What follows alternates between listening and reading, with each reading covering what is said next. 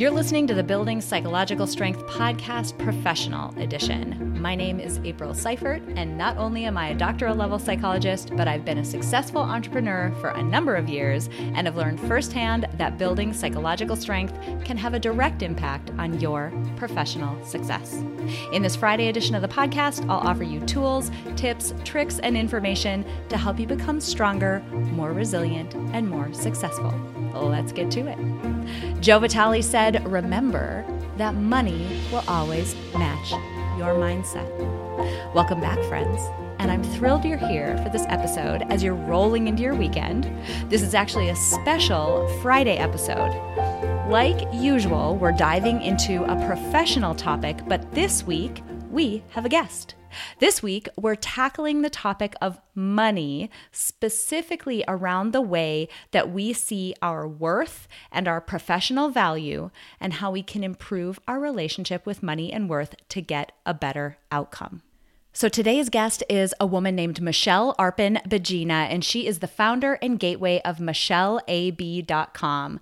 Michelle believes that we all need to examine the money stories, scripts, and lessons that affect our financial psychology so we can rethink what we know about money and have more of it. She is a technician of financial planning, investment, and wealth management, but what differentiates her from other financial advisors is that she's spent the last two plus decades studying the unconventional, non financial aspects of life satisfaction, financial therapy, behavioral bias, choice, and decision making. I'm very excited to have Michelle here for this episode so that we can dive into this important topic. Let's roll that interview. Michelle, I'm so excited that you're here with us today because the topic we're going to be hitting on is one that I know is important to a lot of people who listen to these Friday episodes. So thanks for being here. Thanks for having me. I'm excited to be talking with you.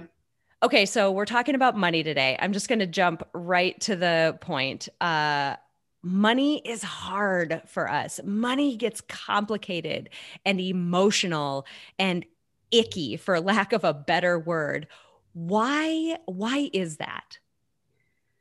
The core of it, I think, really is from our beliefs, what we were raised to believe, which is a combination of what we heard, what we experienced, what we made those experiences mean at really early ages before we had the cognitive ability to really um, think for ourselves and have any type of information. We just assume what different things mean. All of that goes into our subconscious minds and we typically operate out of the subconscious around our beliefs around money.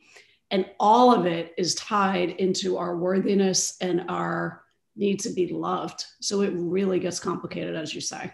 Oh, absolutely. Okay. So I'm a big believer and have talked a lot on this podcast about the background supporting how exactly what you just said, right? Like we're growing up through the world. We don't really have that rational side of our brain, like that hasn't fully turned on yet. Yet our mind is still learning, it's still making connections, it's still trying to make sense of the world. And so it brings all these beliefs in and it doesn't have a filter to filter them through. It's not asking whether they are true or accurate or helpful or relevant. It just sort of accepts them. Can you run through, just so that the audience can kind of relate to this, that common set of beliefs that people sort of implicitly end up encoding about money? Sure. There really are four main ones. And what's important to know is these underlying beliefs they deeply affect our behavior. So the the four primary ones are money is bad or people with money are bad. More money will fix all of my problems. My self-worth is my net worth and money is private. And if you believe those things underlying in addition to the things that you may have heard. So for example uh, if you believe money is bad and you also heard money isn't important, then money's really not going to stick around in your life. You're not going to make the effort to have it stick around when you're earning it, when you're receiving it. Because if I have it and money's bad, I'm therefore bad. And if money and you layer on top of something you heard, money isn't important, well, it's just not important. So I don't really need to pay attention to it. So all of that comes out in our behavior. Just to give you a couple of examples. Mm-hmm. Oh, totally. And it, I mean, this happens just across the board. Audience, the audience of this podcast has likely heard me say multiple times how there's just basics of how our mind works and forming these associations and creating these beliefs is one of just the basic functions of our mind. It's adaptive, it helps us understand the world in a really quick way. But things go awry when those beliefs aren't helpful or true, or they don't lead us in a direction that is prosperous in this case. Um, so, uh, the impact of that, even though there are these implicit beliefs, it really can't be overstated. I would love to talk. Yeah, I would love to talk a little bit about what this means then. So, like, let's say somebody has this set of beliefs and they are a business owner who is setting prices, or especially a service business owner where you're the one performing the service and you have to decide what that service is worth, how to set that price, or you're a professional and you're evaluating your own salary and what your contribution in that role is worth. Can you mm-hmm. talk a bit about the link between those beliefs and then our likely behavior in those situations? Yeah, so I think the first thing we have to remember is that you know we we are all um, we are all part of a journey of helping everybody else run their relay race. So what we're providing is of value to someone else when it moves them from either point A to point Z or somewhere along that that journey. So if we're holding, um, if we're not understanding that that is really what we are in service of, that's going to hang us up to begin with. When we, um, for example, like I will hear business owners sometimes say, when they're doing a side hustle, for example, well, I'm not really in it for the money mm. which is code for me for there's something more going on there. So, well, what are you really in it for? Right? That's really where you've got to go. And then you're really going to start uncovering what some of your beliefs are around that because there's some type of association around money and being of service with people because you brought up uh, service providers right that's a lot of human interaction, right? That might be one on one coaching or group coaching. So when you're intimately involved with people, I notice that that can almost create a barrier to where it gets even harder to talk about money with that end recipient because of the associations that you're making, especially if you're in a helping role. Like even yeah. therapists, therapists have a very hard time charging appropriately for their services because they're in a helping profession. And as far as negotiation, I always say the first negotiation that we actually have is with ourselves. And this is going to sound a little ugly, but maybe the first negotiation needs to be I want to be rich. Mm. Sorry, not sorry because there's nothing in and of itself that is wrong with having money. It's just that we start associating, you know, I want to be rich. I'm sure anybody listening to that statement associated a million things with that. That's greedy, that's unethical, right? There's a gazillion things that came to mind with that statement. That's what needs to be uh, raised and discovered of why am I even thinking that and where did that come from? And then as the adult asking is that really what i think? Is that really true? And what kind of impact is this having? But i think you know negotiation is really um, i think two things. First it is the negotiation for yourself of what do i really want? I mean that's really what i'm trying to say with i want to be rich right? What do right. i really want? Then it has to be okay with you to want what you want. So i think there is um, there's an internal and external process that goes on with everything here. The next negotiation really is understanding uh, I don't charge enough, I don't earn enough, I don't do enough, I'm not enough. Where's the not enoughness coming in? Mm. So that you hmm. feel as if you've earned to ask for more, whether it's from an employer or from a client. And I struggled with this a lot. And it really wasn't until I, I determined a couple of things. One, I just got to a point where I would sit in a room of other financial advisors and I would listen, you know, different contexts, listen to what they would have to say. And I would always be sitting there thinking, I love all of these people and I love what they're doing in the world. None of them sound alike, and I don't sound anything, and I don't believe everything that they're saying either. And what mm. I started to own was the reason for that is because I had my own unique experiences. I created my own curriculum for learning, like most entrepreneurs and service providers do, it was continuous learning. And when I really started thinking about that, and I layered in the value that I provide, whether it's helping to move someone from one emotional state to another, or helping them through decades of planning to reach a financial goal, whatever that was, I really started to own my intellectual capital. Mm. just simply became not okay to give it away, period. End of sentence. And it was really that combination of owning someone has come to me because they're seeking something that they are not able to experience or have for themselves and they're seeking help for it because I've got something that's going to help them. And that's when I really started to own the process, is when I really started to own my own ownership in that process.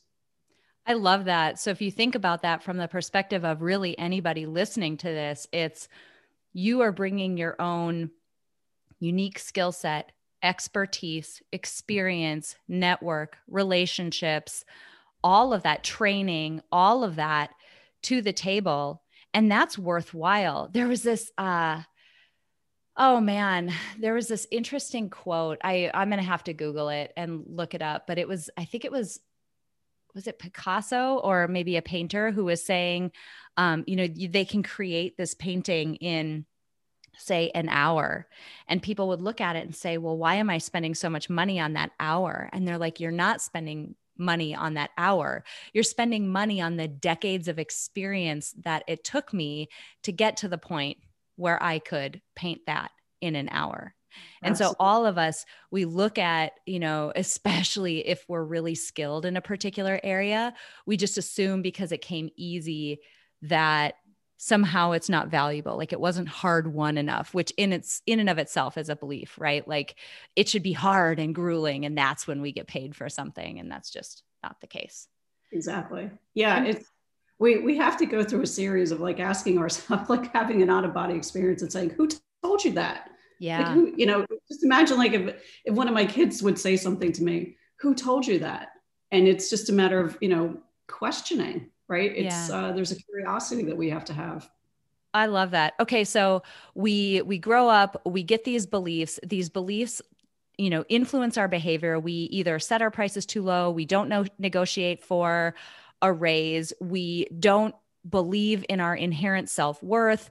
It leads to this situation where ultimately we are not making as much as we could be making, which means we can't either fund the lifestyle that we want to have. We can't pay our bills. We can't give our family the experiences they want to have. We can't give to organizations and philanthropies that we care about. I mean, the ripple effect from there is large. What are some tips that you have, some things that people can do to start to shift that? Because ultimately, I mean, you know, people, anybody who says, like, I'm not in it for the money, I'm like, great. If you were walking down the street and you saw there was no one around, like nobody around, no businesses, no houses, no people, no nothing. And there was a thousand dollars laying on the street. Would you just walk by it because money means nothing to you? Or would you pick it up and do something worthwhile with it? You probably would pick it up. That means it's important to all of us. So, what can we do to start shifting our mindset around this to start getting around some of those beliefs that we've all learned and behave in a way that's more effective that gets us gets us to a better outcome Awesome question. So I'm going to answer this in two parts, if that's okay. Love it. So the first thing is looking back and tracing the roots not only of your own experiences, mainly with your family, it's mostly our parents that have the most influence on us, but also thinking back to the generations before them. And what I mean by that is with our own family and how we grew up, is really what did we hear, or what are called money grams? What did we experience? We usually have a couple of really big events, financially speaking, that have left an impression. And then what did we make those experiences and those expressions mean? Because mm. we're not taught to think, right? We're not taught to think about anything, but we're definitely not taught to think about our money.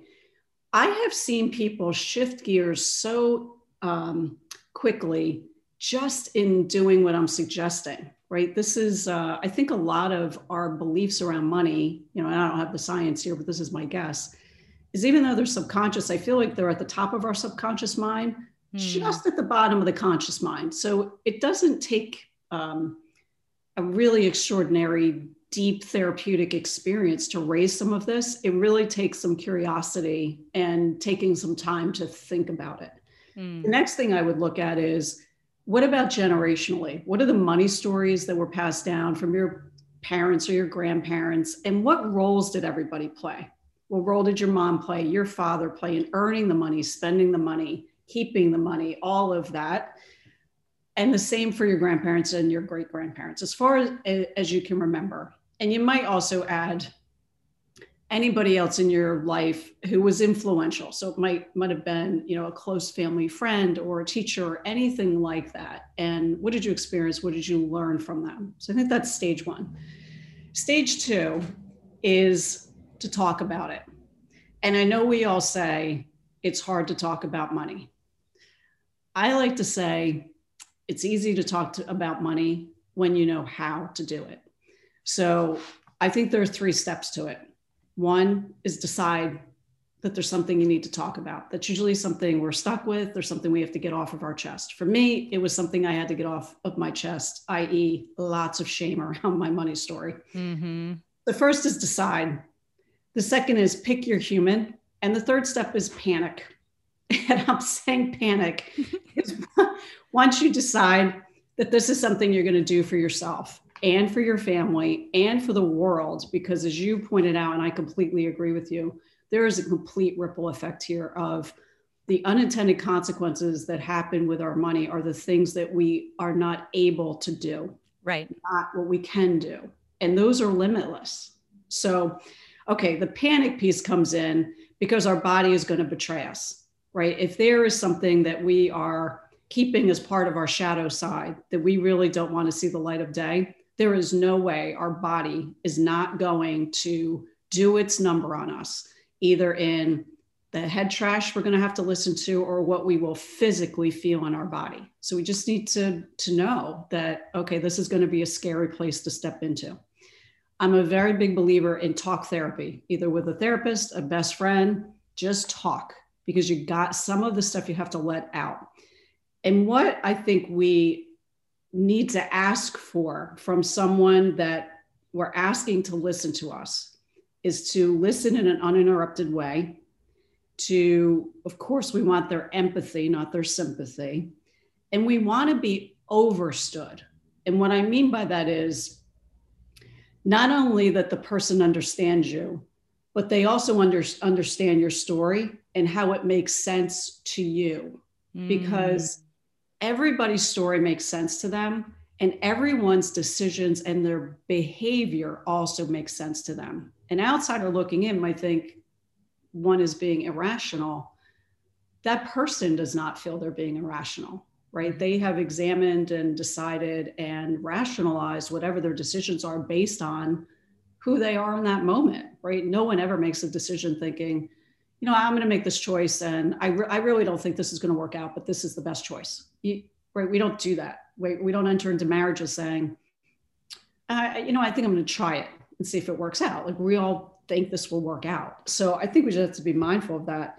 And then I think, you know, we need the person that we choose of course, we need to have a rapport with them, or a rapport will certainly be built in that process of talking with them. But then there's also that sparkle in chemistry. You know, you just really feel something for this person that they can be trusted in what you're going to share with them.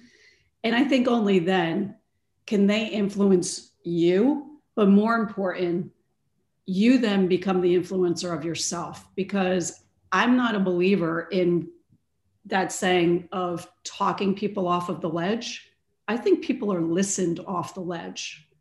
Mm. And if we can find people who would truly listen to us, with, free of judgment of whatever it is that we want to share with them, then that's when we make change possible for ourselves because people can give us advice.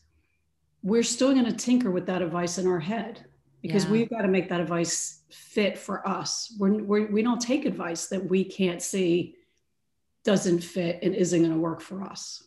Yeah. When we hopped on right before we hit record, you I I love all of those tips. I love them. And you mentioned another one that I want to make sure that we get to. You know, you you mentioned this notion of we've all got different facets in our lives, like different areas in our life. And um you said something that really made me think about another episode that I had with another incredible guest. Uh, this notion of how we do one thing is how we do everything. Um, I'm wondering if you can soapbox on that for a couple of minutes because it was just brilliant. And I think it's something that people need to hear in terms of just knowing that about themselves, but also how to use it in this area to get a better outcome. I'm so glad you brought that up. Thank you uh, I may not only soapbox, I may rant. So, Bang on the table, man. Let's do it. I, I, do not believe how you do one thing is how you do another. Um, I think that expression really goes to someone's character. I can see where someone's character would be uniform across all areas of their life, but behavior is different. So, you know, she may be a powerhouse in the office and a little less so when it comes to her money at home with her significant other there's a disconnect there, right? She is playing a different role and she has a need, or he has a need for a different outcome. And it's uh, it's it's maybe the peace and harmony that you want to have in your home versus the definition of success and how you're going to do that in your office that may be what would ultimately make you act differently with your money in one realm or one role of life versus another what I am a huge proponent of is having people look at prior successes in their life. And, mm. and I mm. don't mean a success that took a couple of weeks. I mean the really big, juicy ones that were grueling and you needed that grit and resilience over time because that's really where you discover who you are. So, what I ask people to do is look at three financial or non-financial doesn't matter from any part of your life look at those successes and through a series of journal prompts really start to think about what your own unique x factor is. What is your secret to success? Because i guarantee it's very different than the next person you know sitting next to you. So I, like i'll give you an example. If um you know if uh, sara blakely who i read the story about her the founder of spanx if she had heard the following advice, she might have shrugged her shoulders and said, oh, I'm not really sure this fits, but this is what she created for herself. So she lives close to her office, but she takes a fake commute drive for about an hour to an hour and a half every morning because what she has found is that's where she does her best ideas. Mm. And it's led to some of her breakthrough blockbusters. That's so, awesome. Right? Isn't that great? We can get advice and we can hear um, you know nuggets and wisdoms of what how someone else created a success out of their own life and we might be able to take pieces but in the end what we're doing is we're cobbling together the pieces that actually fit fit us that we can actually execute and do so for example you know when you think about money we we often think about it as only the financial resource but there's psychological capital it's who we know, it's what we know, it's who we are, and it's what we have. So, in one area of um, looking at prior successes, it's also considering things like that, or it's considering the resilience strategies that you used. Like mm-hmm. someone who did this with me by way of this workbook that I have what she realized is how much she relied on self talk, positive self talk to reach her goals. And self talk is not anything new. What was new to her is she realized how much she relied on it. And that was, you know, the golden ticket that she could then use toward her financial goals, where she realized, okay, this part of the process, you know, no one becomes a financial success overnight, typically. This part of the process of growing my wealth, I know the strength of mine is to use self talk. Or like Margaret Atwood, the great author. I heard a podcast recently where she brings in an alter ego named Peggy. Margaret does the writing. Peggy does the laundry, is what she said. Ah. So it's really uh, it's a form of self-discovery to figure out how you do you. And if you've been successful in other realms, you can absolutely be successful successful when it comes with to your money because it's not just what you know it's actually who you are and who you're being with your money that really counts as well that's so good that is such a great way of looking about this it almost reminds me of like this is your your love language for success right like everybody mm-hmm. has that that thing that really propels them, say, in this case, in their romantic relationships, that really resonates with them. In this case, you're saying, what is your unique fingerprint? What is that unique thing that really drives you in terms of, you know, persisting and continuing on and going after something big? That's awesome. Yeah, I love that. I love that lang- love language of success. It's great. this has been awesome. I mean, I love that we're tackling this topic that ah, for lack of a better word, just gets icky for people. It's complicated. And I know people are going to want to dig in a little bit more, are going to want to learn more. Where can people find out more about you and get their hands on some of the resources that you have?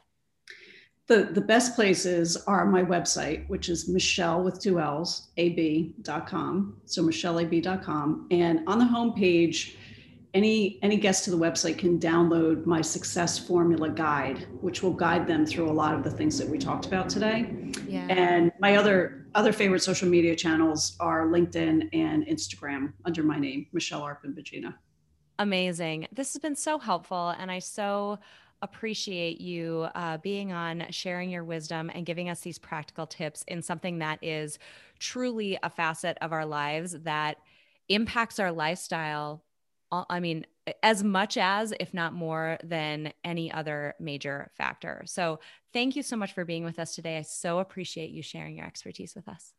Thanks for having me. And I want to say thank you to you for raising the conversation on a really important topic. All right, I really hope you got a lot out of that conversation with Michelle Arpin Begina. And before I go, I want to mention a quick note from one of our sponsors. I recently introduced you to the Blinkist app, which takes some of the best, most influential, most valuable nonfiction books and gists them down into 15 to 20 minute summaries. So, in 15 to 20 minutes, you can listen to a series of blinks and understand the key concepts, insights, and take home points from some of the most transformative books, and you can get it all for free. I wanted to thank Blinkist for sponsoring this show, and because you're a listener, you can try Blinkist for yourself for free for seven days using the link in this episode description. And because you're a listener of the podcast, you can get 20% off your entire year of Blinkist by clicking the link below. Thank you so much for joining me for this business edition of the Building Psych Strength podcast. If you are an entrepreneur or a professional and you're interested in becoming more successful, hit the subscribe button. And until next week, be resilient, be strong, and be successful. At Parker, our purpose is simple. We want to make the world a better place by working more efficiently, by using more sustainable practices by developing better technologies, we keep moving forward. With each new idea, innovation, and partnership, we're one step closer to fulfilling our purpose every single day. To find out more, visit parker.com/purpose. Parker, engineering your success. As humans, we're naturally driven by the search for better. But when it comes to hiring, the best way to search for a candidate isn't to search at all. Don't search, match with Indeed. When I was looking to hire someone, it was so slow and overwhelming. I wish I had used Indeed. If you need to hire, you need Indeed. Indeed is your matching and hiring platform with over 350 million global monthly visitors, according to Indeed data, and a matching engine that helps you find quality candidates fast. Ditch the busy work. Use Indeed for scheduling, screening, and messaging so you can connect with candidates faster. And Indeed doesn't just help you hire faster. 93% of employers agree Indeed delivers the highest quality matches compared to other job sites, according to a recent Indeed survey. And listeners of this show will get a $75 sponsored job credit to get your jobs more visibility at Indeed.com slash podcast. That's Indeed.com slash podcast. Terms and conditions apply.